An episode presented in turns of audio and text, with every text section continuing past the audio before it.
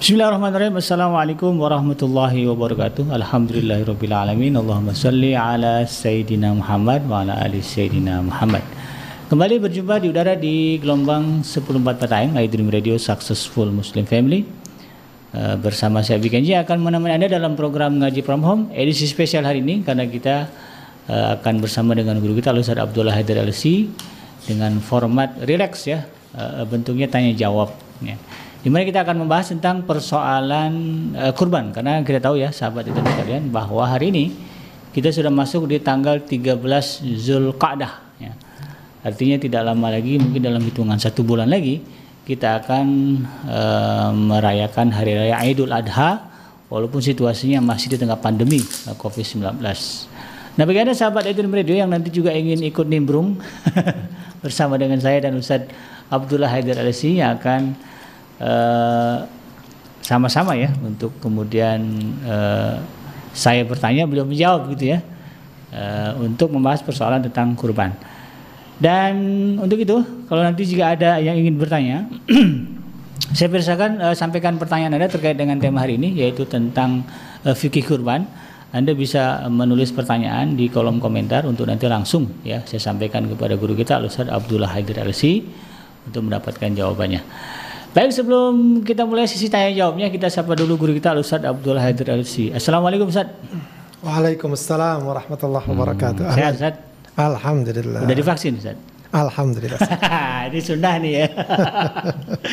Ustaz Haidir aja divaksin. Nah, sahabat Edrim jangan malu ya, bukan malu lah, jangan takut ya untuk divaksin uh, aman habis divaksin nggak ada apa-apa. Alhamdulillah. Nah, jadi Ustaz Aidir siap untuk melaksanakan ibadah kurban ya, untuk nyembeli, untuk sholat ya, untuk ngimamin, untuk khotib karena sudah divaksin.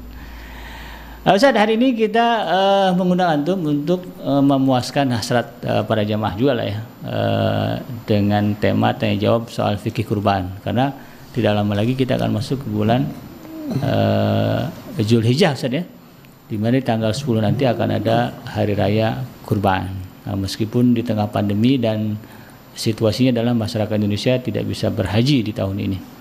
Tapi tetap kan kurbannya harus Ustaz. Hukum kurban sebetulnya apa Ustaz? kan kita nggak haji nih, nggak ada yang berangkat haji. Apakah kemudian eh, pelaksanaan kurbannya jadi nggak wajib? Gimana Ustaz? Baik, uh, Bismillahirrahmanirrahim. Alhamdulillahirabbil alamin. Wassalatu wassalamu ala sayyidina Muhammadin wa ala alihi wa ashabihi ajma'in amma ba'd. Uh, sahabat Adrim yang dimuliakan Allah terkait dengan hukum berkurban ya yang jelas berkurban ini disyariatkan. Ya, hmm. Ya, para ulama sepakat bahwa berkurban itu disyariatkan. Ya, cuma secara definitif apakah dia wajib atau sunnah ya memang ada perbedaan pendapat para ulama. Jumhur ulama ya mayoritas para ulama ya dalam madhab Maliki, madhab Syafi'i, madhab Hambali menyatakan bahwa berkurban itu sunnah muakkadah. Sunnah ya. muakkadah. Dan kemudian dalam madhab Hanafi mereka berpendapat bahwa berkurban itu uh, hukumnya wajib. Ya tentu bagi yang mampu. Bagi yang ya, mampu. Bagi yang mampu. Uh, mereka yang mengatakan wajib ya tentu mengambil zahir ya ayat atau hadis yang memberikan uh, kesan atau pesan seperti itu secara tekstual ya. Dalam surat Al-Kautsar yang menjadi dalil hmm. disyariatkannya berkurban Allah berfirman fasholli lirabbika wanhar. wanhar. Ya maka salatlah ya kepada Tuhanmu wanhar dan berkurbanlah. Nah ini perintah perintah wajib begitu ya. Ada juga hadis yang ya memang diperdebatkan sahih tidaknya hmm. ya tapi dijadikan sebagai landasan tentang wajibnya berkurban hmm. ya man kana lahu sa'ah wa lam yudhi hmm. fala yaqrabanna musallana hadis riwayat Ibnu Majah ya siapa yang punya kemampuan namun dia uh, tidak berkurban yeah. maka jangan dekati tempat salat kami tempat salat kami ini semacam ancaman ya hmm. bagi mereka yang tidak berkurban berkurban akan tapi jumhur ulama berpendapat bahwa berkurban sunnah muakkadah ya bahwa perintah Allah fasol li rabbika wanhar lebih kepada penegasan hmm. akan kuatnya anjuran uh, dari perintah tersebut ya uh, yang uh, kemudian disimpulkan bahwa berkurban ini sunnah adalah sebuah hadis Rasulullah Sallallahu Alaihi Wasallam hadis riwayat Muslim ya dan ini nanti menjadi sunnah bagi orang yang berkurban. Hmm. Ya. Uh, apa Rasulullah mengatakan idza ra'aitum hilal dzil hijjah Hmm. wa arada ahadukum an yudhi Hmm. ya uh, fal yumsik an sya'rihi wa adfarihi Hmm. ya. jika kalian melihat hilal Dzulhijjah maksudnya sudah masuk awal Dzulhijjah Ya. wa arada ahadukum an yudhi dan kalian ingin berkurban Ya, jadi kata-kata ingin berkurban ini dimaknai sebagai ya pilihan Hmm. kalau berkorban kalau mau dia Oke, berkorban kalau nggak mau dia Nggak apa-apa. nggak apa-apa tidak berkurban. Nah itu dimaknai bahwa berarti berkurban itu tidak wa, Tidak wajib. tidak wajib. Ya, maka jangan dia potong kuku atau rambut, eh, rambut atau kukunya. Ya, nah eh, ini sekali lagi eh, menjadi landasan. Ada juga riwayat bahwa Abu Bakar As-Siddiq, Umar bin Khattab dalam satu tahun itu pernah tidak berkurban untuk menunjukkan bahwa berkurban bukanlah ibadah yang yang wajib. Akan tapi sekali lagi ya, terlepas dari ketetapan tentang hukum berkurban ya kalau wajib jelas dia harus dilakukan. Kalaupun dia sunnah ya bukan lantas seseorang merasa ah karena sunnah dia tinggalkan. Tidak.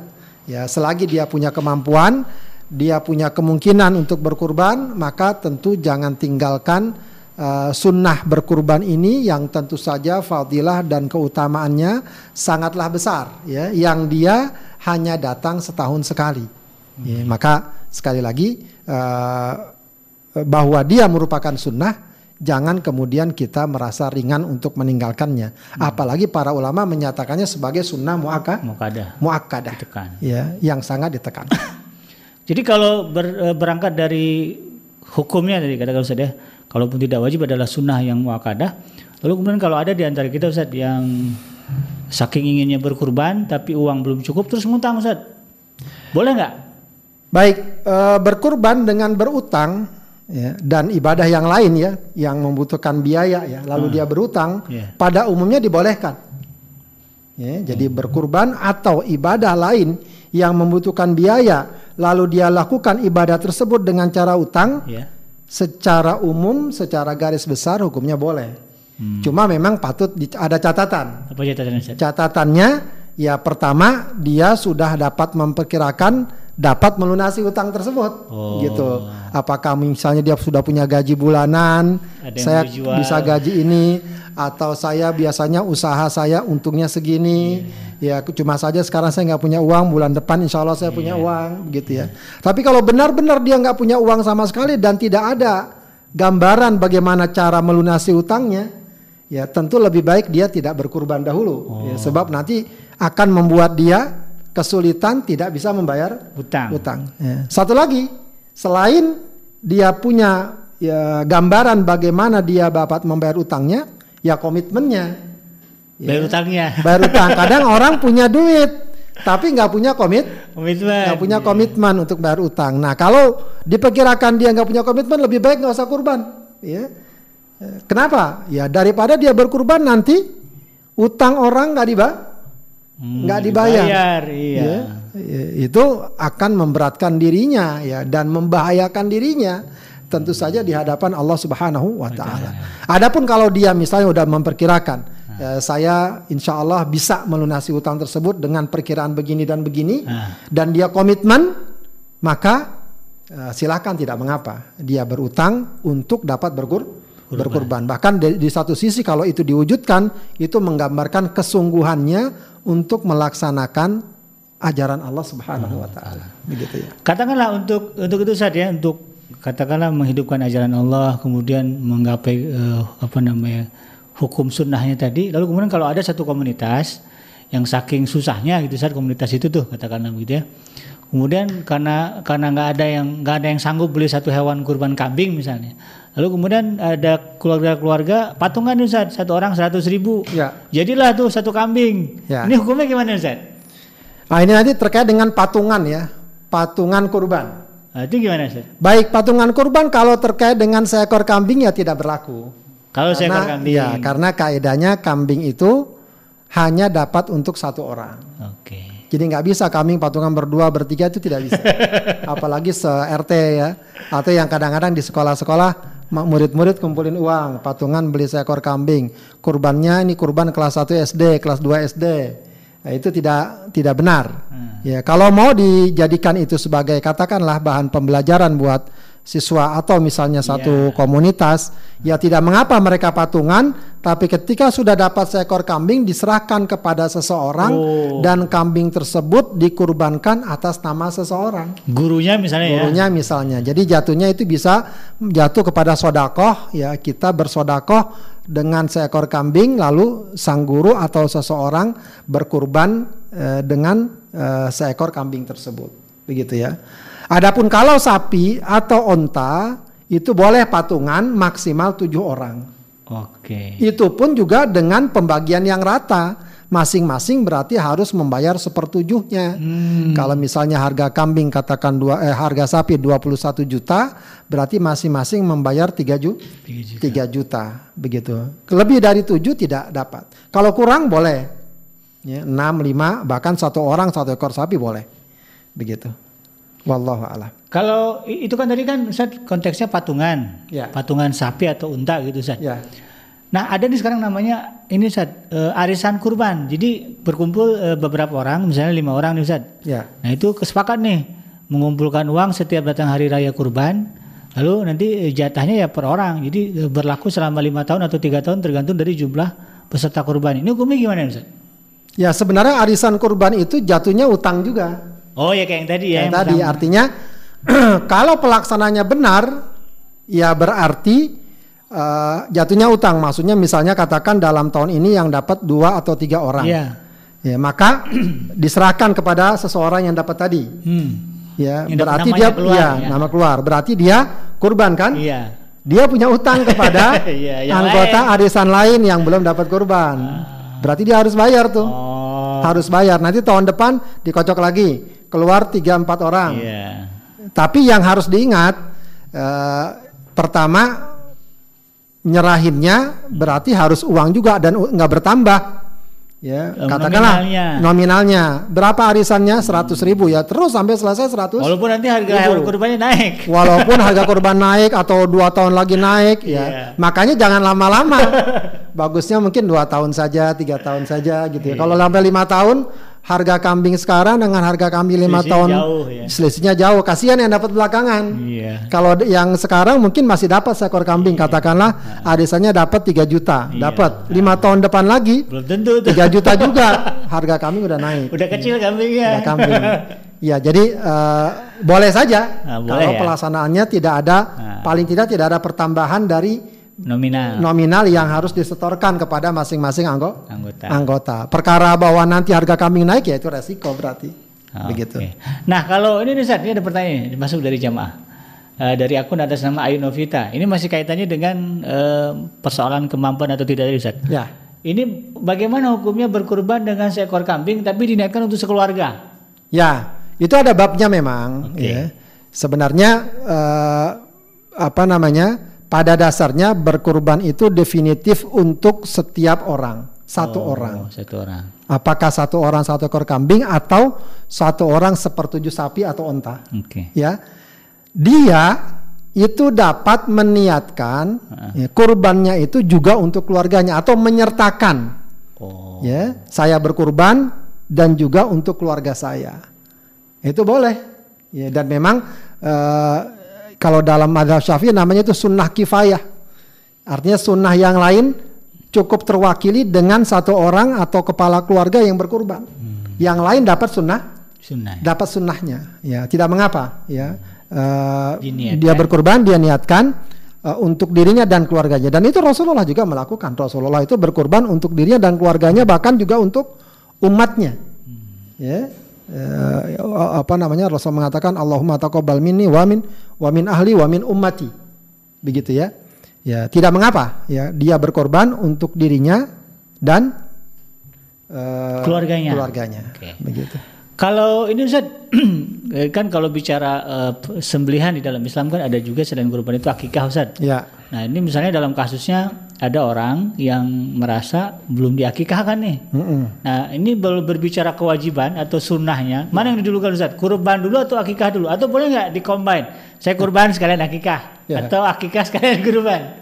Ya, eh, ini kembali kepada hukum ya tadi ya. Ah. Kita kan udah pahami bahwa kurban Sunnah. itu hukumnya sunnah. Akekah apa hukumnya? Sunnah juga. Sunnah juga. Berarti karena sunnah sebenarnya masalah fleksibel. Oke. Artinya orang boleh kurban walau belum akekah, Oke. boleh akekah walau belum kurban. Ah, Jadi itu nggak ada masalah kalau ditanya boleh, boleh nggak. tidaknya ya. Coba kalau tanya mana yang lebih utama? Para ulama menyebutkan ya tergantung waktunya juga. Kalau misalnya sekarang nih ya, sekarang ada orang kelahiran, Nah, paham ya? iya. Eh, kurban masih lama nggak? Sebulan lagi. Sebulan lagi. Ah. Dia ada uang katakanlah 3 juta Ah. untuk beli seekor kambing. Iya. Ini saya buat akekah atau buat kurban? Nah, Yang mana yang lebih dekat? ke lahir. Lahiran, ya. Kalau saya beli kambing sekarang nanti kurban eh, saya nggak bisa beli ya nggak apa-apa. Nanti siapa tahu ada rezeki lagi. Iya. Ya. Kalau nggak ada rezeki, ya sudah nggak apa-apa. Itu kan sun sunnah. sunnah begitu ya. Atau kebalikannya lahiran tinggal sebulan lagi. Sekarang udah Idul Hmm. Adha. Nah, iya, Idul Adha. Ada duit 3 juta. Kalau saya beli kambing sekarang, nanti pas bisa lahiran akekah nggak punya duit. ya nggak apa-apa. Kan sunnah. juga. Iya. Ya, di samping apalagi akekah lebih fleksi, Fleksibel. fleksibel. Nah, yang mungkin jadi pertanyaan, kalau pas lahirannya Idul Adha gitu, atau boleh nggak bareng? Nah, boleh nggak bareng? Dengan satu hewan kurban. Ya, lebih baik eh, kurban. Lebih baik ya. Akekah kan fleksibel. Iya, bisa. Fleksibel. Eh, terkait dengan menggabungkan kurban dan akekah, mayoritas para ulama mengatakan tidak digabungkan. Tidak digabungkan. Tidak digabungkan karena kurban dan akekah itu ibadah yang berdiri sendiri Hmm. meskipun eh, ada banyak kesamaannya ya dari segi hewannya apa namanya pembagiannya dan lain sebagainya ya eh, ada memang eh, sebagian ulama ya yang menyatakan eh, boleh menggabungkan niat kurban sekaligus ake Akikah. sekaligus akikah ada Oh, ya tapi eh, yang lebih hati-hati adalah dipisahkan kurban sendiri akikah sendi Sendiri. sendiri wallahu alam Baik, baik Ustaz. Jadi lebih jelas ya bagi Anda yang mungkin sekarang sedang menunggu kelahiran ya. Diutamakan kalau memang sudah dekat ke kurban ya kurban dulu ya. Tapi kalau masih jauh ke kurban ya kekah dulu ya. Perkara nanti insya Allah ada rezekinya. Lanjut Ustaz, ini eh, boleh nggak Ustaz? Tadi ada pertanyaan. Boleh nggak kita itu bernazar dengan kurban? Baik, nazar pada dasarnya dibolehkan terhadap perkara-perkara yang boleh dan sunnah. Ya bagusnya de- bernazar memang dengan perkara sunnah. Hmm. Ya, dengan perkara sunnah. Dan kalau orang sudah bernazar dengan perkara sunnah, maka yang sunnah itu jadi wajib. Nah, ini nih masalah ini Ustaz. Kalau pas jatuh hari hanya eh nggak punya uang.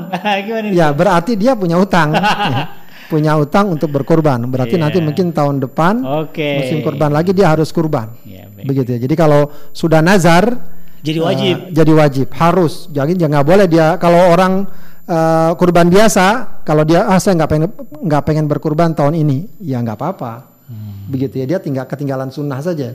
Tapi kalau bernazar dia harus berkurban. Salah satu lagi bedanya, naz, eh, kurban nazar itu dagingnya nggak boleh dimakan Sama yang berkurban. sama yang berkurban. Oh. Kalau yang kurban biasa, Berkurban boleh makan. eh, pekurban boleh makan, bahkan disunahkan memakan. Kalau ditanya kenapa Ustaz begitu? Eh, wallahu alam ya artinya kalau sudah nazar dia itu sudah betul-betul Menyerahkan ya, semuanya. menyerahkan semua Oh, kepada Allah begitu ya. Jadi ini catatan ya bagi Anda sahabat Edrim kalau ada yang sampai bernazar, ini anak saya mau eh, kuliah di mana gitu kan. Saya nazar pas kalau kelulus ya, mau motong sapi misalnya ini. Ya. Jadi wajib kemudian kalau sudah di- dilaksanakan tidak boleh dikonsumsi oleh Anda sebagai pekurban. Nah, baik baik.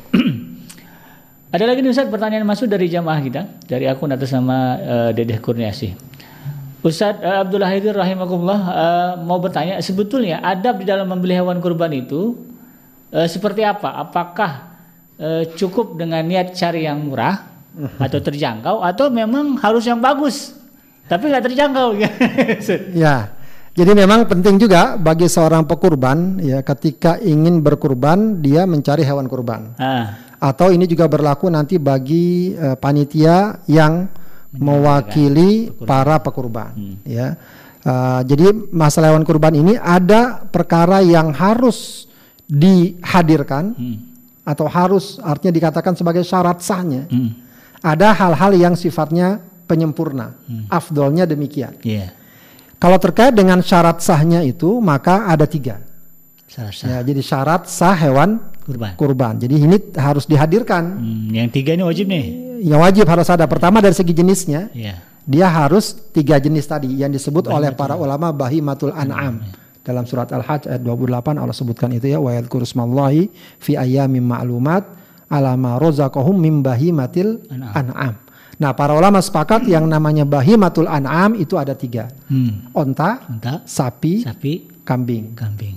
Sapi itu masuk juga kerbau. Oke. Tapi kalau banteng tidak, para ulama mengatakan banteng tidak Karena buas. masuk. Dia. Iya, lihat. Kalau kambing, kambing bandot dan atau kambing Jawa Biri-biri. dan domba, biri-biri ya, domba termasuk. Boleh. Ya itu eh, bahimatul an'am. Oke. Di luar itu nggak bisa. Kemarin ada yang nanya saya kijang, rusa, boleh nggak? Dia nggak masuk jenis kambing. Ya maka tidak boleh untuk kurban. Kanguru, Ya terkanguru segala macam nggak boleh. Baik, itu dari pertama ya. Yang kedua dari segi usia, ini penting juga sebenarnya usia. Ya umur. Jadi jangan, wah yang penting bagus, tapi usia belum memenuhi syarat. Ya, jadi usianya itu kalau onta lima tahun minimal, Lima tahun. kalau sapi minimal dua tahun, Sapi dua tahun. kalau kambing minimal satu tahun, kalau domba minimal enam bulan. Aduh ini sih agak rancu nih. Domba sama kambing nih Ustaz. Kambing itu yang kambing kayak Jawa, kambing Jawa itu kambing kacang tuh loh, Oh. Ya, bandot gitu. Iya iya iya. Kalau domba kan yang biasanya eh, bulunya itu agak ikal-ikal gitu. Jadi loh. dibedakan Ustaz antara kambing Beda. dan domba umurnya. Beda. Kambing setahun, Kambing setahun, domba domba enam bulan enam bulan sudah bisa dikurban. bisa kurban. Ya itu namanya kalau dalam bahasa hadisnya sebenarnya ma- namanya musinna atau thania yang sudah kupak. Giginya. Giginya itu sudah ganti. Jadi bisa dicek dari giginya. Kalau anak kecil kan ada gigi seri itu ya. Itu dia kalau kambing sudah ada dua gigi yang menonjol di bawahnya, itu gigi yang sudah kuat dia nggak akan berganti. Udah gigi tetap lah. Gigi tetap. Itu namanya thania. Nah itu. Nah, itu udah boleh kurban. Oke. gitu ya. Kalau kambing biasa, kalau domba nggak apa-apa, walaupun masih begitu. Kalau domba, Oh domba. Ya. iya begitu. Itu syarat yang kedua tuh. Syarat yang kedua, jadi usia itu penting ya. Meskipun misal kambingnya gemuk, Tapi umurnya kambingnya belum gemuk, cukup. umurnya belum cukup, Bisa ya? nggak boleh, Oke. begitu ya. Kemudian yang ketiga, eh, apa namanya tidak ada cacat. Oke. Ya, nah tidak ini ada cacat, cacat. definisi gimana? Ustaz? Cacat eh, eh, pertama eh, tidak ada empat cacat yang Rasulullah sebutkan langsung, itu minimal. Eh, buta. Ya, pertama, eh, ya bukan buta, picek. ya. Oh, Salah satunya buta ya, ya buta ya. Tapi maksudnya kalau cuma sebelah gimana ya? Cuma sebelah pun nggak boleh. Iya. Ya, apalagi dua-duanya. ya, itu disebut al auro ya, al auro al bayin auruha. Kemudian al arja, al arja itu al bayin arojuha. Ya, eh, apa namanya? Eh, Pincang. pincang. Hmm. Ya, pincang. Jelas pincangnya. Hmm. Padahal kalau kita lihat pincang apa pengaruhnya? Iya. Kalau udah dimasak. Dagingnya banyak juga misalnya Ya. kan. Kalau udah dimasak kan nggak ketahuan kaki pincang apa enggak iya, kan? Iya. Ya, tapi itu menunjukkan eh, bagaimana agar kurban itu betul-betul mulus ya dan sehat. Oke. Kemudian yang ketiga eh, apalagi eh, al aura sakit ya. Eh, hewan yang sakit. Oh, Nah, hewan sakit ya ini tentu orang yang ngerti lah ya. iya. Ya, kalau Dokter misalnya hewan ya. dokter hewan apalagi kalau di dalamnya banyak kuman, banyak apa begitu, itu nggak boleh. Yang lagi rame biasanya antraks kalau Nah, iya betul, termasuk antara mungkin orang dokter hewan tahu atau orang yang ngerti tahu ini hewan sakit, ya kelihatan loyo atau apa gitu, nah itu nggak boleh buat kurban. Oke. Ya. Kemudian yang terakhir hewan yang sudah sangat kurus kering, udah tua gitu ya. Tinggal kulit, ya, Kulitnya. tulang dibangun Ya, jadi hewan kurban itu nggak boleh terlalu kecil. Kalau tukang sate kan ada tuh balibul, batibul, nah itu kan nggak boleh. Oh gitu. Itu terlalu kecil. Iya. Terlalu tua pun nggak boleh. Gitu, udah udah kurus kering buat kurban. Yang bagus ya tadi pertengahan, makanya di- disebutkan batasannya itu tadi. Umur tadi ya. Ya umur tadi, begitu ya. Jadi umur tadi, agar tentu bisa bermanfaat lebih baik. Ya, itu empat empat hal kriteria. yang minimal tidak boleh ada cacatnya itu. Hmm. Ya, Syarat- tidak boleh cacatnya. Iya. Kalau yang lain-lain, misalnya katakan sobek, terus tanduknya eh, kopak. retak atau apa itu nggak apa-apa. Nah, atau kadang-kadang suka ada luka sedikit nggak apa-apa. Atau Begitu kuku ya. kakinya agak Iya, kuka iya, nggak apa-apa. Meskipun kalau dia dapat yang lebih mulus ya nggak apa, bagus dicari. Ya, yang betul-betul mulus atau apa begitu bagus. Itu yang dari segi eh, syarat sahnya. misalnya. Kalau sempurnanya bagaimana? Ya sempurna tadi, yang gemuk, yang sehat, yang mahal. Ya, kalau dalam satu hadis Rasulullah eh, apa diriwayatkan dohan Nabi SAW Sallallahu Alaihi Wasallam bikabshaini amlahaini akronaini. Dalam satu riwayat saminaini ada saminaini ya Rasulullah itu berkurban dengan kabes kabes itu domba eh, jantan. Ya domba jantan. Warnanya dominan putih bulunya jadi kesannya bulunya sangat bagus gitu ya tapi kalau pe- penjelasan para ulama dominan saja ada bagian-bagian tertentu yang nggak putih apakah matanya kakinya segala macam Ya, tapi dominannya putih lah. Dominannya putih. Kemudian gemuk, ada lagi yang meriwayat mahal. Jadi antara gemuk dan mahal.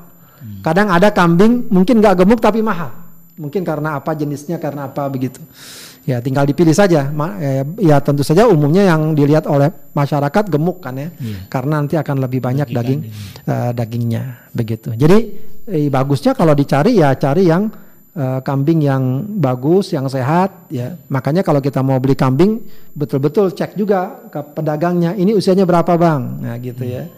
Kasih tahu. Kalau abangnya bilang baru 8 bulan kambingnya, ah jangan dibeli. Karena setahun umurnya. Setahun begitu ya. Eh, terus kemudian kita cek langsung aja barangnya apa namanya? eh, Hewannya. hewannya eh, sehat mungkin kita perlu tahu juga tanda-tanda sehat misalnya matanya Iya. biasa kan ada tandanya kan begitu ya itu Kalau maaf Zat, kalau kita nawarnya begi kali ibu kan biasa Zat, kalau beli nawar tuh. Apakah itu nanti tidak dimasukkan ke dalam kategori wah ini enggak enggak total nih, enggak totalitas nih. Nawarnya banyak. Ya, ini kan memang ada penda- ada pendapat kalau beli korban itu nggak nawar, jangan nawar, nggak, nggak. Itu biasa soal beli sih standar aja. Seperti umumnya kita beli. Ya asal wajar lah, nawar wajar biasa. Ya, apalagi kalau orang ngerti, oh kalau di sini sih harga kambing segini, pasarnya segini, Iya. gitu. Kalau dia tahu, lalu orang misalnya menaikkan harga semaunya, ya dia tawar, nggak masalah. Jadi nggak masalah menawar itu, ya tidak masalah asal wajar dan bia- biasa dan normal, Jangan begitu ya. merasa terhina ibu ya karena Iya. menawar jadi enggak total ini kayak gini enggak. Itu Ya. manusiawi. Atau gini kadang-kadang ada juga orang saya cuma duit punya sejuta setengah, kambing nggak ada yang sejuta setengah, Iya. nggak bisa kurban. Iya. Itu kan masih bisa diakalin. Iya. Nah, kali ini gimana Zat? Gimana ngakalinya? Belinya jangan sebelumnya nanti tanggal 11 belinya. Udah mau pulang orang ya. iya. Atau paling nggak tanggal 10 ya, tanggal 9 gitu. Iya, iya, iya. Mungkin kan uh, or- uh, pembeli kambing udah mulai jarang. Iya. Nah, biasanya tukang kambing itu akan Nurunin harga. Apalagi tukang kambing yang Nah, dari daerah, dari mana. Nggak apa-apa kan? Beli tanggal 10, tanggal 11. Gila. Boleh nggak? Boleh. Boleh, potong tanggal 11, tanggal 12 masih boleh. Iya. Tanggal 13 masih boleh. Biasanya tuh mungkin sejuta dapat, sejuta setengah dapat. gitu Daripada ya. pulang ngongkosin lagi Iya. kan. Atau dengan cara lain. Ada lagi. Beli kambing di daerah langsung. Oh langsung ke. Potong di sana langsung. Iya. Jadi daerah-daerah di luar pulau eh, apa namanya? Yang mungkin harga sapi murah yang memang di sana banyak peternaknya bisa biasa lebih murah begitu. Ustadz kalau tadi kan eh, termasuk yang syarat tadi itu yang tidak boleh kita tinggalkan adalah eh, tidak tidak cacat. Ya. Seandainya nih Ustadz, kita sudah deal beli hewan kurban sapi misalnya. eh, eh, di hari haknya kita waktu kita beli sehat Ustadz. Begitu hari haknya kita mau potong jatuh nih sapi atau kambing patah kakinya. Ya. Ini gimana nih Ustadz? Termasuk kategori cacat nggak Ustadz? Ya, eh, itu memang eh, para ulama menjelaskan kalau sudah kita tetapkan, Hmm. tetapkan ya, ini kambing buat kurban. Hmm. Lalu ternyata eh, ketika kita beli mulus, Iya. setelah itu sebelum dipotong cacat, nggak apa-apa, tetap dipotong. Tetap dipotong Tetap dan sah. dipotong. Eh, sah. Kalaupun mau diganti, diganti dengan yang lebih baik. Dengan lebih bolehkan. Kalaupun mau diganti, ya diganti dengan yang lebih Lebih baik. lebih baik. Tapi kalau mau dipotong itu juga, yang itu juga nggak apa-apa. Karena eh, ketika dibeli dan diniatkan ya, bukan cuma dibeli aja. Jadi beda. Orang beli kambing masih mungkin ya, ah, saya buat ini aja deh buat makan sama-sama ada tamu misalnya. Tapi kalau udah ini kambing buat kurban, nggak boleh dia itu untuk untuk keperluan lain. Kalau udah dia niatkan dan dia tegaskan ya, Hmm. ini kambing untuk kurban. Berarti kalau dia terjadi cacat atau apa masih boleh dipotong walaupun ada cacat. Walaupun ada cacat. Walaupun ada cacat. Untuk jenis uh, kelaminnya Ustaz, apakah wajib yang jantan saja? Enggak, tidak. Boleh. Kambing boleh jantan, boleh betina. Sapi juga sama. Sama, juga semua nggak ada ketentuan Harus harus, jantan. nggak ada. Kalau betina nggak sah, tidak. Boleh saja. Soalnya pengalaman saya selama jadi panitia, kok yang datang jantan semua. Kemungkinan karena betina orang butuh untuk Pra- beranak ya. untuk beranak, untuk apa? Ya, kalau dipotong sayang kan. Iya, termasuk juga yang boleh para ulama menyebutkan boleh berkurban dengan hewan yang dikebiri. juga Oh, boleh. itu gak termasuk cacat Ustaz? Enggak, enggak termasuk cacat. Ya, Bahkan ada riwayat Rasulullah pernah berkurban dengan kambing yang dikebiri. Dikebiri. Ya, karena itu dikebiri itu justru akan semakin menggemukkan eh, hewan dan Hewannya. menyehatkan. Baik, baik, baik. nah, kemudian Ustaz terkait dengan kemampuan juga, kemampuan dan hmm, niat dari eh, kurban. Orang tua misalnya nih, kita sebagai orang tua katakanlah tahun ini nggak punya uang, Ustaz, nggak punya uang. Lalu ada anak nih, anak bilang Pak, tahun ini bapak eh, saya kasih uang untuk korban. Itu gimana nih, Ustaz? Atau anak meniatkan korban untuk orang tuanya, jatuhnya gimana nih, Ustaz? Ya, tidak mengapa kalau memang anak mau dikatakan bersedekah agar orang tuanya berkurban. Iya. Tapi bukan juga sebuah ketentuan yang sifatnya khusus ya atau dikatakanlah anjuran khusus dan lain sebagainya. Artinya kalau dia misalnya anak itu berkurban untuk dirinya lalu diniatkan untuk keluarganya, insya Allah orang tuanya termasuk. Oh, jadi nggak mesti juga, Pak. Ini biar kan mungkin orang tua merasa, Iya. kan bukan atas nama saya, nggak Abdul nih. Ini jadi anaknya merasa benar nih, Pak. Buat Ya, enggak, ya artinya termasuk kalau dia misal dia niatkan dia dan keluarganya, termasuk kan orang tua keluarganya, keluarga inti bahkan. Begitu ya. Itu fleksibel juga sifatnya, ya.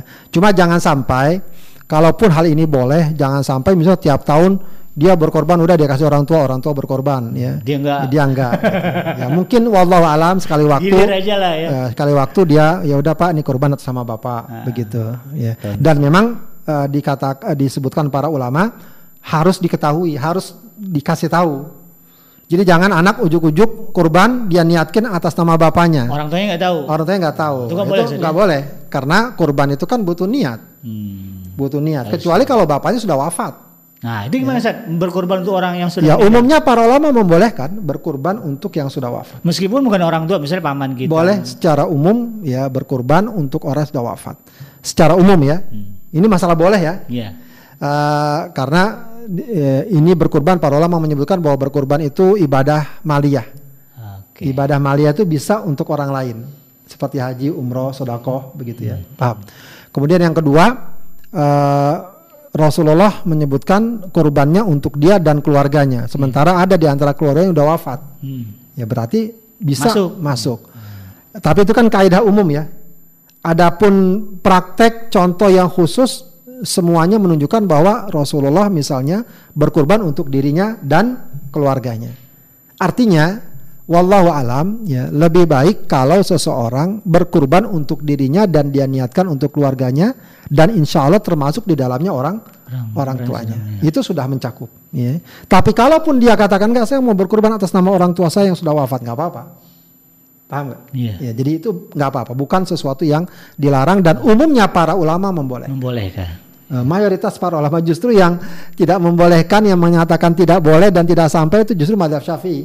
Ulama dalam madhab syafi'i. Tapi prakteknya malah banyak Iya, orang yang banyak dipraktekkan di masyarakat atau di- Ah. ya justru mau para ulama yang lain mengatakan boleh, termasuk ke dalam madhab hambali Iya. boleh begitu ya. Imam Syafi'i malah nggak boleh. Malah nggak boleh. Untuk masalah ini sebenarnya mazhab Syafi'i agak ketat itu. Iya, wallahu a'lam. Iya iya iya. Wah ini jadi catatan juga bagi kita ya. Nah, jadi kalau bab boleh boleh ya, tapi kalau sampai tidaknya itu lain cerita Ustaz ya. Sampai insya Allah. Kalau boleh berarti sampai. Iya, sampai insya Iya Allah. iya kadang-kadang kan ada orang-orang yang mempersoalkan sampai nggak sampai ini Ustaz. Baik baik Ustaz. Lanjut Ustaz. Ya ini ada pertanyaan lagi Ustaz. Eh, ini kan sekarang ini eh, pandemi nih, Ustaz. Ya. Eh, kita merasakan bahwa sebagian masyarakat eh, mengalami eh, persoalan ekonomi begitu kan. Nah kemudian kalau kita berinisiatif tahun ini eh, saya berkurban tidak di tempat saya nih, tapi saya korban di kampung lain, eh, di pesantren tahfiz misalnya, atau berkurban di Palestina. Ya. Yang notabene kan kita nggak menyaksikan penyembelihannya, nggak tahu jenis hewan kurbannya. Pokoknya kita transfer dana. Ini pembahasannya seperti apa nih Ustaz? Ya itu nanti masuk dalam pembahasan bolehkah berkurban di daerah di luar daerahnya Hmm. ataukah berkurban harus di daerahnya. Nah, begitu ya. Eh, terkait kembali kepada masalah kalau ditanya masalah boleh atau tidak, tidak ada yang melarang. boleh berarti ya? Boleh secara umum boleh saja. Mau dia berkurban di daerahnya atau di daerah orang lain atau bahkan di negeri orang lah orang di negeri orang lain asalkan dilaksanakan sesuai dengan syarat dan ketentuan. rukunnya. Cuma kembali lagi kepada masalah lebih baik mana gitu ya. Ah, lebih baik mah lebih baik mana? Dalam beberapa hal ya para ulama justru menganjurkan memang berkurban di daerah masing-masing, di daerah tempat dia tinggal atau di tempat dia berada. Kalau misalnya dia sedang safar ke, ke kota tersebut, di kota itu dia berkurban. Oh, jadi nggak mesti mukim Ustaz ya? Nggak mesti artinya eh, harus di tempat rumah saya nggak. Tapi kalau dia di mana aja. Dia lagi safar ke daerah tertentu atau lagi kerja tugas di daerah tertentu, di kota tertentu, di situ dia berkurban. Oh gitu. Kenapa? Karena ada beberapa sunnah bagi pekurban yang eh, tidak dapat terwujud kecuali kalau kurbannya dekat dia. Apa pertama sunnahnya? Orang yang berkurban itu sunnahnya dia yang nyembelih. Sunnahnya menyembelih sendiri. Kalau di daerah lain nggak mungkin nyembelih dia. Iya. Kalaupun nggak menyembelih, sunnahnya melihat penyembelihan, Menghadiri ya. menghadiri. Kemudian lagi sunnah lain apa? Eh, memakan bagian atau sebagian dari daging kurban. Kalau udah di tempat lain nggak nggak tempat lain nggak kebagian. Jadi eh, itu ada keutamaannya. Ya. Eh, di sisi lain ya memang ada juga keutamaan daerah di, berkurban di daerah lain. Apa tuh Ustaz? Ya keutamaannya tentu kalau di daerah betul-betul minus, ya nggak ada. Artinya ada keutamaan sosialnya lah ya. Kalau dia niatkan oh, di sana tuh nggak ada yang kurban sama sekali. Kalau di sini kan banyak di Depok misalnya kan ba- banyak. Sudah itu berarti ada dari segi kebutuhan di sana lebih membutuh Betul. membutuhkan. Jadi ada plus minusnya. Cuma memang kalau dari aspek eh, fikih dan syariat eh, yang disebutkan para ulama ini dalam kondisi standar ya atau normal eh, berkurban lebih baik, lebih utama kalau dilakukan di tempat dia berada saat itu. Hmm. Ya kalau misalnya punya rezeki banyak, bagus kalau dibagi dua, beli kambingnya dua, Jauh sama di satu di sini, satu di sana, itu lebih bagus. buka cabang Ustaz. Buka cabang. ya itu buka cabang nggak. Urusan kurban juga bisa buka cabang ya. Oh, gitu gitu. Baik baik baik. Nah kalau eh misalnya Ustaz kita berkurban di tempat lain nih. Lalu kemudian di tempat itu eh si kam si hewan kurbannya itu di di diolah Ustaz jadi kornet jadi bakso itu hukumnya gimana Ustaz Ya, itu nanti masuk ke dalam pembahasan bolehkah daging kurban disimpan? ah itu gimana pembahasannya Nah, ah, hadisnya ada, riwayatnya ada. Rasulullah SAW memerintahkan untuk terhadap kurban itu apa? Oh, wakulu, fakulu, watasodaku, wadakhiru. Ya, makanlah sedekah kan? sebagiannya, sedekahkan sebagiannya, sebagian lagi disimpan. Berarti boleh disimpan Berarti boleh saja. Ya. Dan tapi itu juga dilihat nanti ke mas- maslahatnya. Ah. Maslahatnya. Jadi termasuk disimpan, dibuat kornet, dikalengin, bakso ya buat bakso boleh saja. Tapi catatannya jangan sampai dikomersilkan, Oh, jadi diperjualbelikan. diperjualbelikan. Itu yang nggak boleh. Ya, sebab asalnya daging korban nggak boleh diperjual, nggak boleh diperjualbelikan. Ya, dia semuanya untuk diba- dibagi baik bagi siapa pun. Ya, siapa pun dibagi orang miskin, terutama orang miskin ya. Ya, orang kaya juga boleh. Gitu. Nah, kalau lah berarti kan kalau misalnya gini Sat, orang miskin terima daging kurban, Ya. eh, dia merasa oh, udah kebanyakan nih pakai dapat nih. Sebagian dijual, boleh nggak Ustaz? Boleh saja. Oh, berarti bukan artinya haram Ah, ya, jadi kesimpulannya yang penting dia sudah bagikan. dikasih nih. Kalau orang udah nerima dia mau apain terserah, mau dibagi, mau dijual, mau dibisnisin, mau dibikin bakso. Kemudian kemungkinan yang nerima tukang bakso misalnya. dibikin Banyak nih dari sana sini nerima daging, dia bikin bakso dan dia jual, nggak apa-apa. nggak ada masalah. Itu udah hak dia. Kita nggak perlu ini lagi. Yang penting udah udah dibagi. Kalau gitu, eh, kalau berbicara pembagian daging hewan kurban, apakah seperti mengikuti zakat? Ustaz ada asnaf nih pakai di Oh, tidak. Ya memang ini yang akan membedakan ya. Kurban ini ya memang dia ada nilai sosial. Hmm. Tapi beda dengan zakat. Zakat itu memang nilai sosialnya kuat selain ibadah tentu saja. Ya, dia sudah terarah uh, apalagi zakat harta sudah terarah ke delapan asnaf. Zakat fitr uh, kepada fakir miskin, Iya. nggak boleh kepada yang lain. Tapi kalau kurban lebih fleksibel. Oh gitu. Iya, kurban bukan nah ini harus kita bedakan. Nah. Dalam hal pembagian, kurban itu bukan zakat. Jadi nggak mesti orang miskin. Ya nggak boleh miskin, orang kaya pun boleh dibagi. Ke Bahkan non- non muslim pun Boleh? boleh. Boleh. Ya asal dia bukan orang yang memusuhi Islam Iya, segala macam. Dia tetangga biasa, tangga warga, nggak apa-apa dikasih, bagus. Ya meskipun tentu uh, prioritas orang muslim. Dimakan juga boleh kan? Iya. Kurban dimakan aja boleh. Iya, boleh gini. Artinya apalagi dibagikan ke sana kemari. Jadi pembagian hewan kurban ini fleksibel ya. Jadi tidak harus oh, oh ini harus fakir miskin tidak bisa aja orang kaya, orang mampu diberi. Bisa di. Meskipun memang uh, bisa jadi prioritasnya adalah fakir miskin. Ya Rasulullah itu memang sudah dikatakan juga Allah, Allah katakan apa namanya wa at'imul ba'isal fakira ya. Fakulu minha wa at'imul ba'isal fakir. Oke. Ya. Untuk ini Ustaz, eh, kan tadi ke- kalau yang antum jelaskan tadi kan hewan kurban itu dimakan, disedekahkan, disimpan. Ya.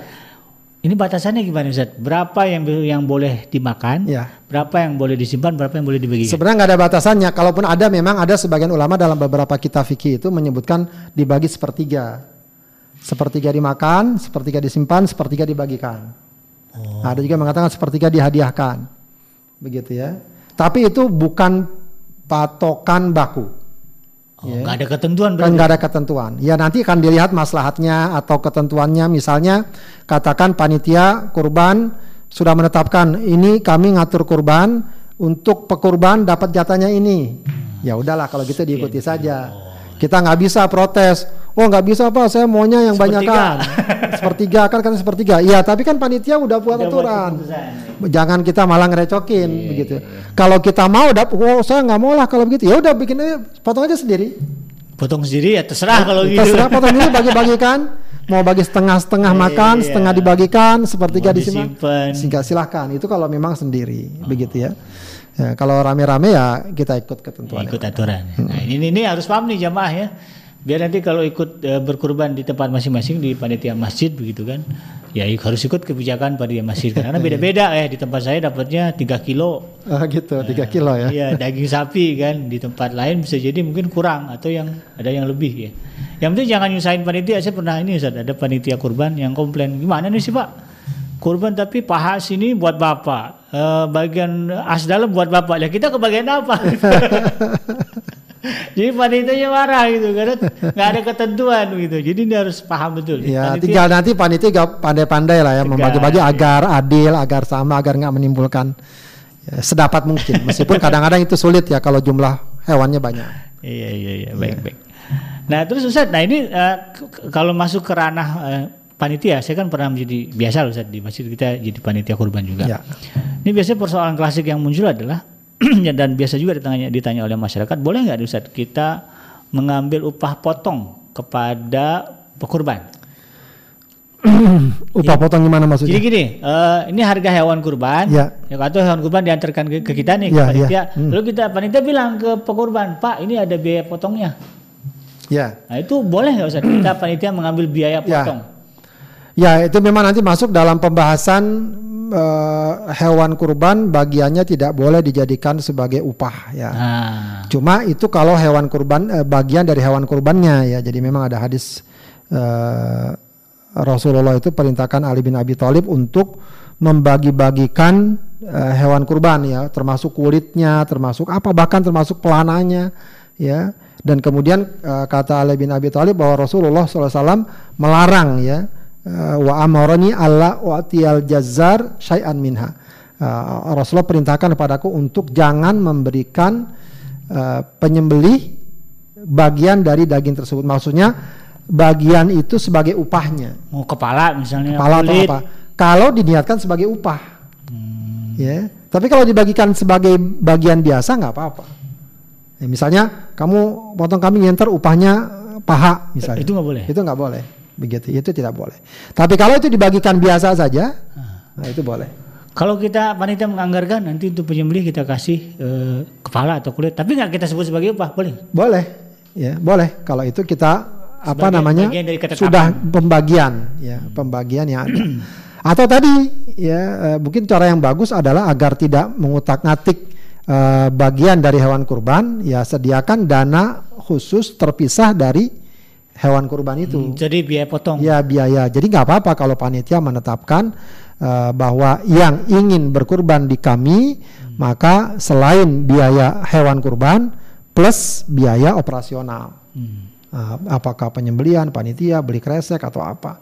Itu memang di idealnya begitu. Hmm. Atau kalau mau misalnya panitia punya kas, misalnya masjid atau apa tidak mengapa, gunakan kas tersebut untuk operasional yang ada. Baik, baik. Ustaz, kemudian ini, ini biasa terjadi Ustaz kasus ini. Hewan kurban ngamuk. oh, nyeruduk sana sini kok lepas nah. Kemudian ditembak bius. Itu langsung dipotong ketika pingsan boleh nggak Ustaz? Ya, uh, itu nanti masuk kepada permasalahan masalah penyembelihan nah, ya. Itu gimana, Ustaz, ya, penyembelihan para ulama mengatakan kalau seandainya hewan itu nggak bisa dikendalikan, ah.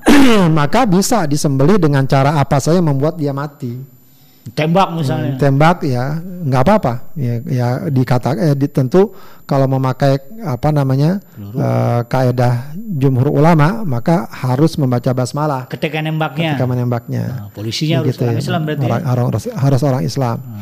begitu. Kalau itu tidak bisa dikendalikan. Kendalikan. itu boleh insya Allah ya dan kalau misalnya ditembak terus masih hidup dan bisa disembeli disembeli hmm. kalau nggak nggak apa-apa yang penting udah jatuh gitu, gitu ya. kan, samperin potong. Iya, potong. Nah, kalau dalam kasus itu tadi saya misalnya kan ada tipikal eh, rumah-rumah hewan, terutama di bukan di Indonesia saja, ya. di luar negeri negara-negara yang mayoritas muslim. Itu hewan kurbannya dipingsankan dulu, baru disembelih. itu hukumnya gimana Ustaz?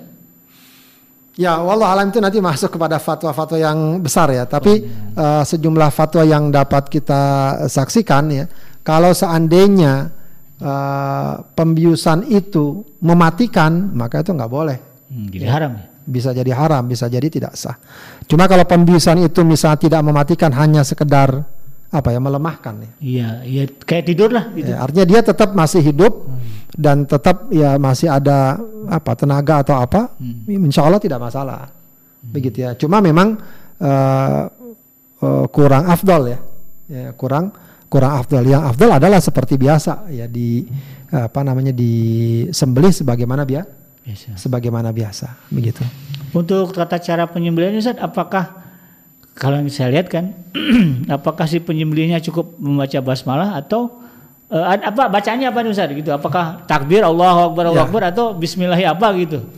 Ya, dalam sebuah hadis disebutkan bahwa Rasulullah mengatakan uh, uh, wasamma wakabbar. Beliau uh, membaca tasmiyah, bismillah dan bertakbir. Jadi uh, sederhananya membaca bismillah Allahu akbar. Orang yang mau nyembelih sini. Orang yang menyembelih. Oh. Begitu ya. Orang yang menyembelih membaca bismillah Allahu akbar. Sudah cukup itu saja. Ya, tidak ada bacaan secara khusus uh, ketika penyembelihan hanya saja juga mungkin bagi yang berkurban hmm ya dia bisa mendoakan atau berdoa sebagaimana yang Rasulullah doakan Allahumma taqabbal minni wa min ahli baiti ya Allah terimalah ini kurbanku dan kurban uh, keluargaku begitu ya tidak ada bacaan secara uh, secara khusus. Hmm. Ya, wallahu alam. Kemudian Ustaz untuk uh, ini juga bagian dari pertanyaan yang sering muncul adalah ketika saya akan berkurban, apa pantangan? Nah ini pantangan Ustaz, jangan sampai dilanggar deh. Nah, ada nggak Ustaz? Ini nggak boleh dilanggar nih. Kayak tadi kan antum sebut ada potong kuku apa semua. Ini, ini gimana Ustaz? Biar jelasnya. Uh, Allah alam tidak ada larangan khusus ya atau pantangan khusus bagi orang yang berkurban selain apa yang disebutkan dalam Rasulullah tadi. Itu pun juga para ulama berbeda pendapat tentang status hukumnya ya. Uh, uh, apa namanya? Idza raaitum hilala dzil hijjah wa arada ahadukum an yudahi fala ya'khudh falyumsik an sya'ri wa adfarihi. Ah, itu jika masuk 10 uh, hari pertama bulan dzil hijjah ah. dan uh, kalian ingin berkurban maka jangan potong rambut dan kukunya jadi memang kalau mau dikatakan pantangan tadi dan ini kita katakan sebagai sunnah orang yang berkurban, hmm. kalau masuk dan dia udah berkurban ya dia udah niat, udah niat, bukan cuma nih udah niat, udah ada hewannya, udah ada hewannya, uh, atau dia paling nggak udah bayar ke panitia, begitu ya. Berarti udah mau kurban dia, hmm. begitu ya. Nah, uh, ketika masuk satu Dzulhijjah, uh, dia sudah tidak lagi motong rambut dan kukunya. Udah nggak Iya, sunnahnya. Sunnah ya. Itu pun juga bermacam-macam pandangan para ulama. Kalau dalam fikih syafi'i sunnahnya namanya atau larangan tadi namanya makruh ditanzi. Makruh dia potong kuku, potong rambut, tapi makruhnya lebih dekat kepada kebolehan. Hmm, oh kebolehan. Makruh, tapi artinya lebih baik dia tidak potong.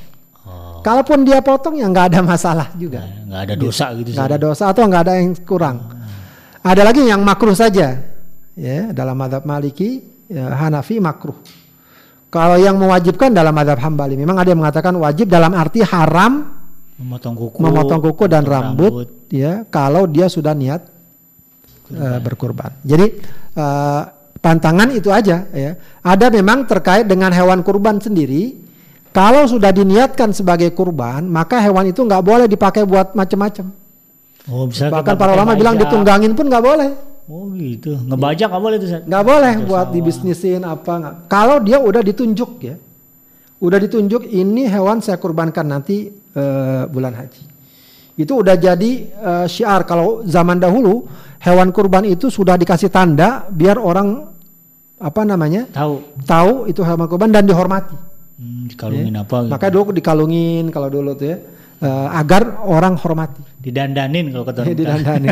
Iya, dan itu termasuk syiar, ya, termasuk ayat Allah wa may yu'adzim syairallah fa inna min taqwal qulub, termasuk orang yang mengagungkan syiar Allah. Maka nggak boleh dinaikin, nggak boleh kemudian di apa namanya digunakan untuk kepentingan-kepentingan dirinya ya, dan semacamnya. Hmm, baik, baik, baik. Gitu. Jadi tidak ada pantangan spesifik atau larangan spesifik bagi anda yang ingin berkurban ya. Eh, apakah terkait dengan tadi potong rambut, potong kuku itu sifatnya hanya makruh saja ya, tidak mendekati haram gitu. Maka boleh begitu ya dan gak usah stres. Kadang-kadang stres. Eh, gitu. Orang berhaid boleh kan Ustaz menyaksikan eh, hewan kurban dipotong? Tidak ada larangan orang haid, ya, orang haid anak kecil siapa pun tidak larangan. Boleh ya, Ya, jadi- boleh saja. Dia eh, hadir untuk eh, menyaksikan orang yang eh, berkurban, tidak masalah. Tidak masalah. Jadi ibu haid ya, gak usah kemudian merasa berdosa. Oh, ini kan saya lagi haid, jadi itu nggak mau nggak boleh. Kecuali kalau memang ibu takut ya pingsan, nah itu cerita ya. Ketika eh, prosesi penyembelihan hewan kurban.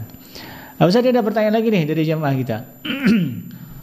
Ini terkait dengan pembagian Ustaz, boleh nggak Ustaz panitia atau kita yang berkurban nih ya.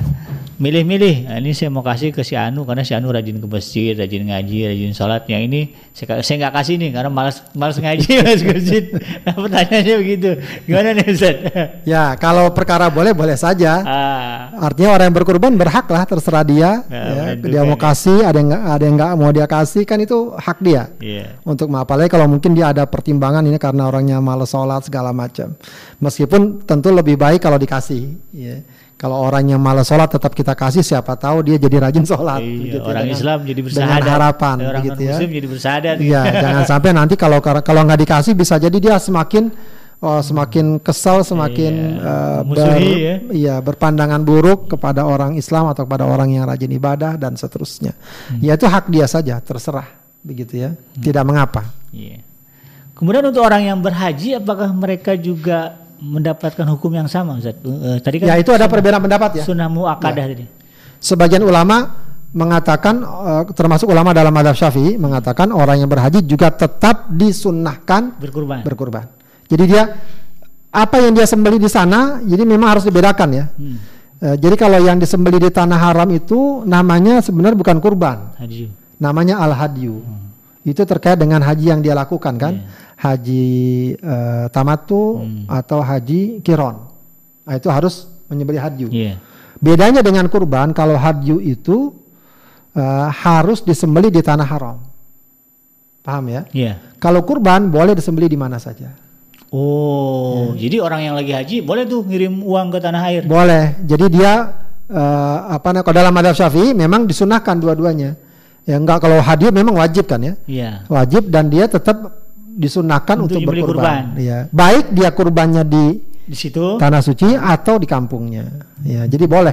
Bukan boleh, malah sunnah kalau dalam fikih Syafi'i. Kalau dalam eh, madhab Hanafi ya, tidak disunnahkan. Ya, karena dia sedang safar. Ya, ini memang nanti ada pendapat ya kalau madhab Hanafi itu kalau lagi safar nggak nggak sunnah kurban. Kalau jumhur ulama tetap lagi safar sunnah kurban. Ya, dalam madhab Maliki tidak disunahkan juga. Jadi memang yang menyatakan disunahkan itu madhab Syafi'i. Ya, jadi boleh. Kalaupun dia nggak berkurban nggak apa-apa juga. Ya, tidak mengapa juga. Baik. Begitu. baik, ya. Nah, ini ini jadi ilmu juga bagi kita terutama yang uh, mau melaksanakan haji ya meskipun tahun ini mungkin uh, untuk jamaah dari Indonesia ditunda dulu ya. Baik Ustaz ini ada pertanyaan lagi dari akun atas nama Indaliu. Uh, Afwan Ustaz, nah ini mau bertanya kalau suami kurban sapi ikut patungan satu per tujuh di masjid ya, terus diniatkan untuk seluruh keluarga. Ya. Itu boleh atau tidak? Kemudian tahun depan ya gantian istri yang patungan sapi satu per tujuh diniatkan untuk keluarga. Boleh nggak? Ya, uh, kalau dikatakan boleh boleh saja. ya. Sapi patungan loh Ustaz, bukan kambing satu Ustaz. Iya nggak apa-apa, baik satu kambing atau sepertujuh sapi itu boleh diniatkan untuk, untuk diri. dirinya dan keluarganya. Nggak mengapa. Ya cuma masalahnya, uh, misalnya istri patungan, ya. Ah. itu uang istri atau uang suami? Nah, misalnya uang suami. Kalau uang suami katakan, benar patungan kamu yang sekarang tahun ini. Nah, ya itu memang ada di sebagian masyarakat ah. ganti-gantian. Sebenarnya uangnya uang suami katakan. Ah. Udah uh, untuk tahun ini saya atas nama saya, tahun depan atas nama istri, tahun depan lagi atas nama anak. Hmm Ya, padahal dari dia dia juga dari uangnya. Suami, juga uangnya. Kalau begitu, wallahu alam, pendekatan yang baik adalah tetap bagusnya surban kurban atas nama suami, suami dan ya kan untuk keluarga. Sama saja. Istri dapat pahala juga. Dapat pahala juga. Anak-anak juga. Iya. Orang tua juga. Iya semuanya. Kayak Rasulullah tiap tahun kurban untuk dia dan keluarganya. Enggak enggak misalnya tahun ini untuk Khadijah, ya. tahun ini untuk Aisyah tidak ah, oh, begitu iya. ya. Tidak. Ya, tapi kalau dikatakan boleh ya boleh saja. Kecuali wallahu alam, kecuali kalau memang masing-masing punya duit dan pengen berkorban atas nama dirinya. Oh, bisa dapat warisan. Nah, istri duitnya banyak. Ah. Ya, masa numpang suami terus misalnya. Dia ingin berkorban untuk dirinya, iya. pakai uangnya, ah. ya nggak apa-apa. Anak sudah mulai kerja, saya ah. pengen dong korban atas nama saya. Iya, iya langsung nggak apa-apa. Ya. Begitu, wallahu alam. Hmm, jadi boleh ya Ibu Ina? Oh, jadi udah dijelasin nih kalau uang istri Ustaz sendiri gimana? Boleh lah. Iya, berarti itu malah lebih bagus kalau kalau uang sendiri ya bagus. itu bagian dari berkurban, nah, mengorbankan apa yang dimiliki begitu. Nah ini tentu uh, tidak semua orang mampu ya. Bahkan uh, kalau kita lihat di Indonesia ya banyak cerita-cerita yang begitu inspiratif ya. Uh, pemulung ya mengumpulkan hasil uh, usahanya jadi payah kemudian diberikan hewan kurban. Tapi sisi sisi lain banyak karyawan orang-orang pengusaha ya yang justru tidak berkorban. Ini ada satu kasus Ustaz. Saya pernah dapat cerita dari uh, seorang teman. Di kampung dia ada pengusaha kambing dan memasok hewan kurban ke kota ke Jakarta. Mm -hmm. Tapi dia nggak pernah berkurban. Itu gimana Ustaz? Ya kembali kepada hukum. Sampai orang kampungnya itu bingung. Dia sekampung nggak pernah ada yang berkurban. Padahal mereka tahu bahwa si A si B itu pengusaha hewan kurban. ya intinya itu kembali juga kepada hukumnya. Uh-uh. Hukumnya kan sunnah. Iya. Asalnya ya sunnah. Kita juga. Kalau di daerah itu nggak ada yang berkurban, apakah itu tidak jadi masalah di sisi Allah Subhanahu Wa Taala? Ya itu pasti ada masalah. Ini orang Islam nih, orang iya. Islam ada di situ, tapi iya. nggak ada yang berkurban dengan alasan ketidakmampuan tadi.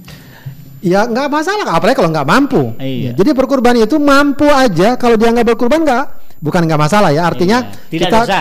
tidak dosa karena itu kan sunnah. Iya. Gitu. Jadi tetap kita harus menempatkan permasalahan pada tempatnya, gitu ya.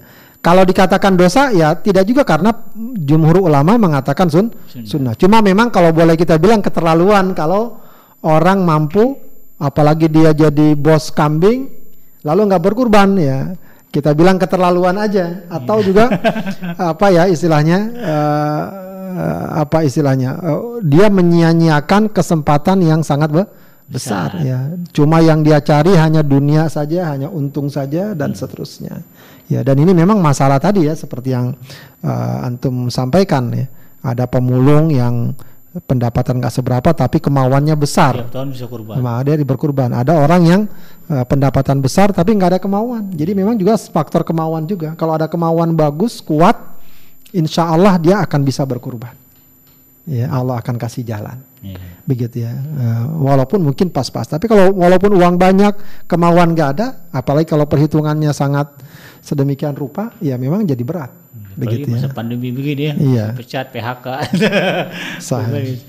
nah Ustaz, kalau kalau apa namanya bicara uh, apa tadi uh, kemauan Ustaz. Apa yang kira-kira bisa uh, bisa kita jadikan sebagai uh, motivasi Ustaz untuk kita supaya bisa berkurban tiap tahun?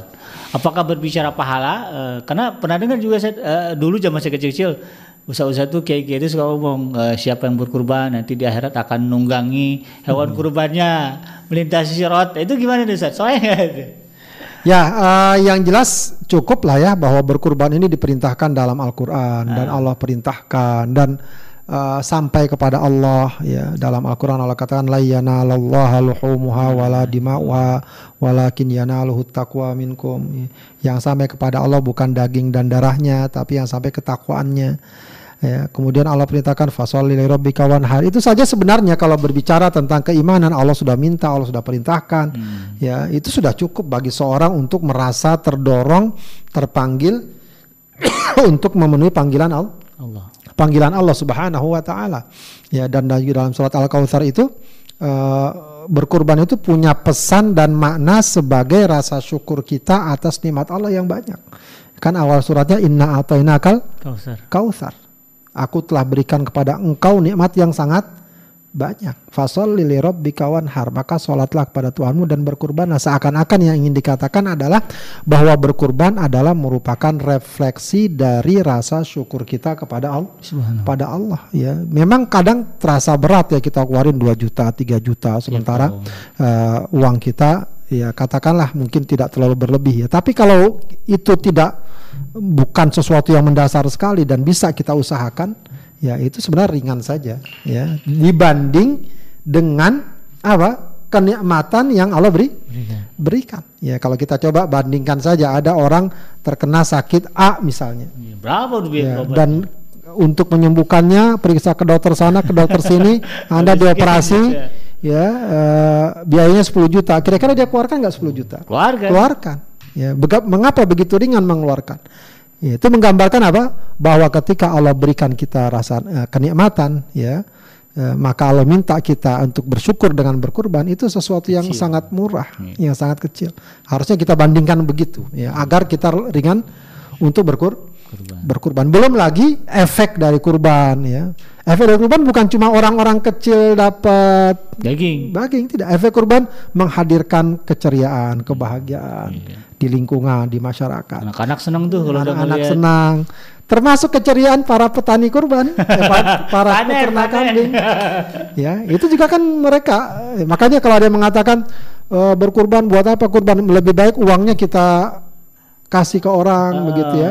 Padahal sama aja. Ketika kita berkurban kita membeli seekor kambing, lalu perekonomian jadi hidup, apalagi itu rata-rata kan peternak kambing kan di desa-desa. Iya. Kita sedang sebenarnya tak tanpa sadar ya itu kita sedang mengirim dana ke desa. Betul. Ya, itu sebenarnya sebuah uh, apa ya pergerakan ekonomi yang sangat luar biasa. Bayangkan dari mana tuh biasa dari Sumbawa, dari mana begitu ya, dibawa kambing ratusan segala macam ke Jawa. Itu kemudian uang dikirim ke sana. Itu kan sebenarnya pergerakan ekonomi yang luar biasa dan banyak termasuk tukang potong lah, tukang apalah ya, hal-hal yang sebenarnya memberikan efek dan dampak ekonomi yang cukup baik, cukup baik. Boleh nggak Ustaz membeli hewan kurban dari orang bukan Islam? Kalau masalah beli kan kembali kepada hukum jual beli. Boleh. Boleh saja. Hmm. Ya, boleh saja. Misalnya ya. kita beli sapi Bali, Bali kan ya. Hindu. Tidak masalah. Itu kan masalah muamalah. Beli dari India, boleh ya, ya. boleh. dari Australia, ya. boleh. Boleh. Boleh saja. Itu masalah boleh lagi-lagi ya. Iya, iya. Kalau memang uh, tentu saja bagi seorang muslim mengutamakan transaksi dan muamalah dengan sama muslim lebih utama hmm. ya. Tapi kalau masalah boleh boleh saja. Maaf Ustaz, ini dalam konteks hari ini Ustaz uh, gimana kan bahwa pekerjaan orang tuh beragam Ustaz. Ada yang kerja di bank riba Ustaz ya, ada yang kerja di pub pelacuran, ada yang di sektor hiburan ya, penyajian minuman keras dan sebagainya. Kalau mereka kemudian berkurban dari jeripayah mereka itu gimana hukumnya Ustaz? Ya, uh, dalam hal ini kita nggak perlu terlalu mencampuri ya oh ini uang misalnya ada orang datangnya kita perkirakan dia di bank atau di mana. Hmm. dia mau berkorban terima saja. Tidak usah ditolak. Tidak usah ditolak dan tidak perlu kita ini dari mana uangnya? atau ini uangnya nggak sah segala macam. Terima saja. Itu urusan dia sama Tuhan. Itu urusan dia sama Allah. Yang paling penting memang sebenarnya ya bukan masalah kurban itu diterima atau tidak atau dia boleh atau tidak. Kalau terima terima saja. Iya. tapi memang ya semestinya setiap orang menyadari ya saya bekerja di mana uh, sumber pendapatan saya dari mana yeah. begitu ya. Itu juga harus diingatkan. Maksud jangan sampai hmm. ya timbul pemahaman bahwa pekerjaan dia ini nggak apa-apa karena udah dia ganti dengan kurban itu yang nggak boleh. Gitu yang nggak boleh. Seolah-olah itu jadi penembus ya itu yang yang harusnya di, dipisahkan. Hmm. oke lah masalah kurban kita nggak nggak pernah otak atik ya. Yeah. tapi anda kerja di prostitusi, Anda kerja di pabrik homor, di tempat riba segala macam, itu harus menjadi perhatian agar jangan sampai terus berkelanjutan. Dan itu semua tidak terhapus dengan sendirinya hanya karena Anda Kurban. berkurban, hanya karena Anda sholat, hanya karena Anda sedekah. Dosa jalan terus ya? Enggak, itu enggak terhapus, ya itu semua. Baik, ya. baik.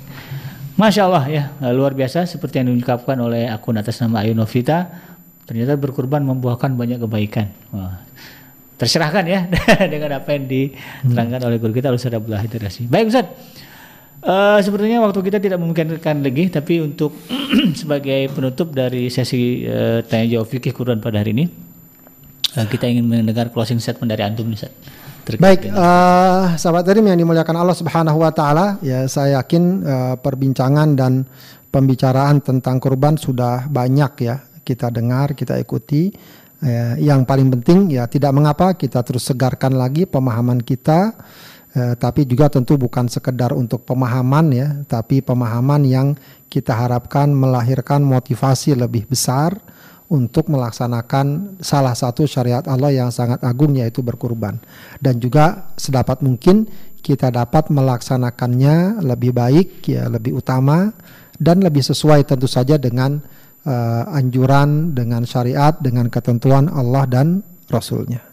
Itu saja, mudah-mudahan bermanfaat. Assalamualaikum warahmatullahi wabarakatuh. Waalaikumsalam warahmatullahi wabarakatuh. Kita ucapkan uh, jazakumullah kepada guru kita Ustaz Abdullah Haidar Alsi yang telah uh, menjawab berbagai persoalan terkait dengan uh, masalah fikih kurban ya. Sehingga kemudian ini mudah-mudahan jadi ilmu dan memantapkan lagi nih ya sahabat Edrim Eh, berbagai keraguan-keraguan yang mungkin timbul selama ini ketika melakukan ibadah kurban. Insya Allah uh, semakin uh, tahun ya atau bertambahnya tahun pertemuan kita dengan Idul Adha ini semakin baik ya kualitas kita berkurban pada setiap tahunnya. Saya PKJ beserta kru yang bertugas pamit undur dari ruang dengar Anda. Mohon maaf atas segala kehilafan dan kekurangan. Subhanaka Allahumma rabbana wa bihamdika asyhadu an la ilaha illa anta astaghfiruka wa atubu ilaik. Walhamdulillahirabbil alamin. Assalamualaikum warahmatullahi wabarakatuh.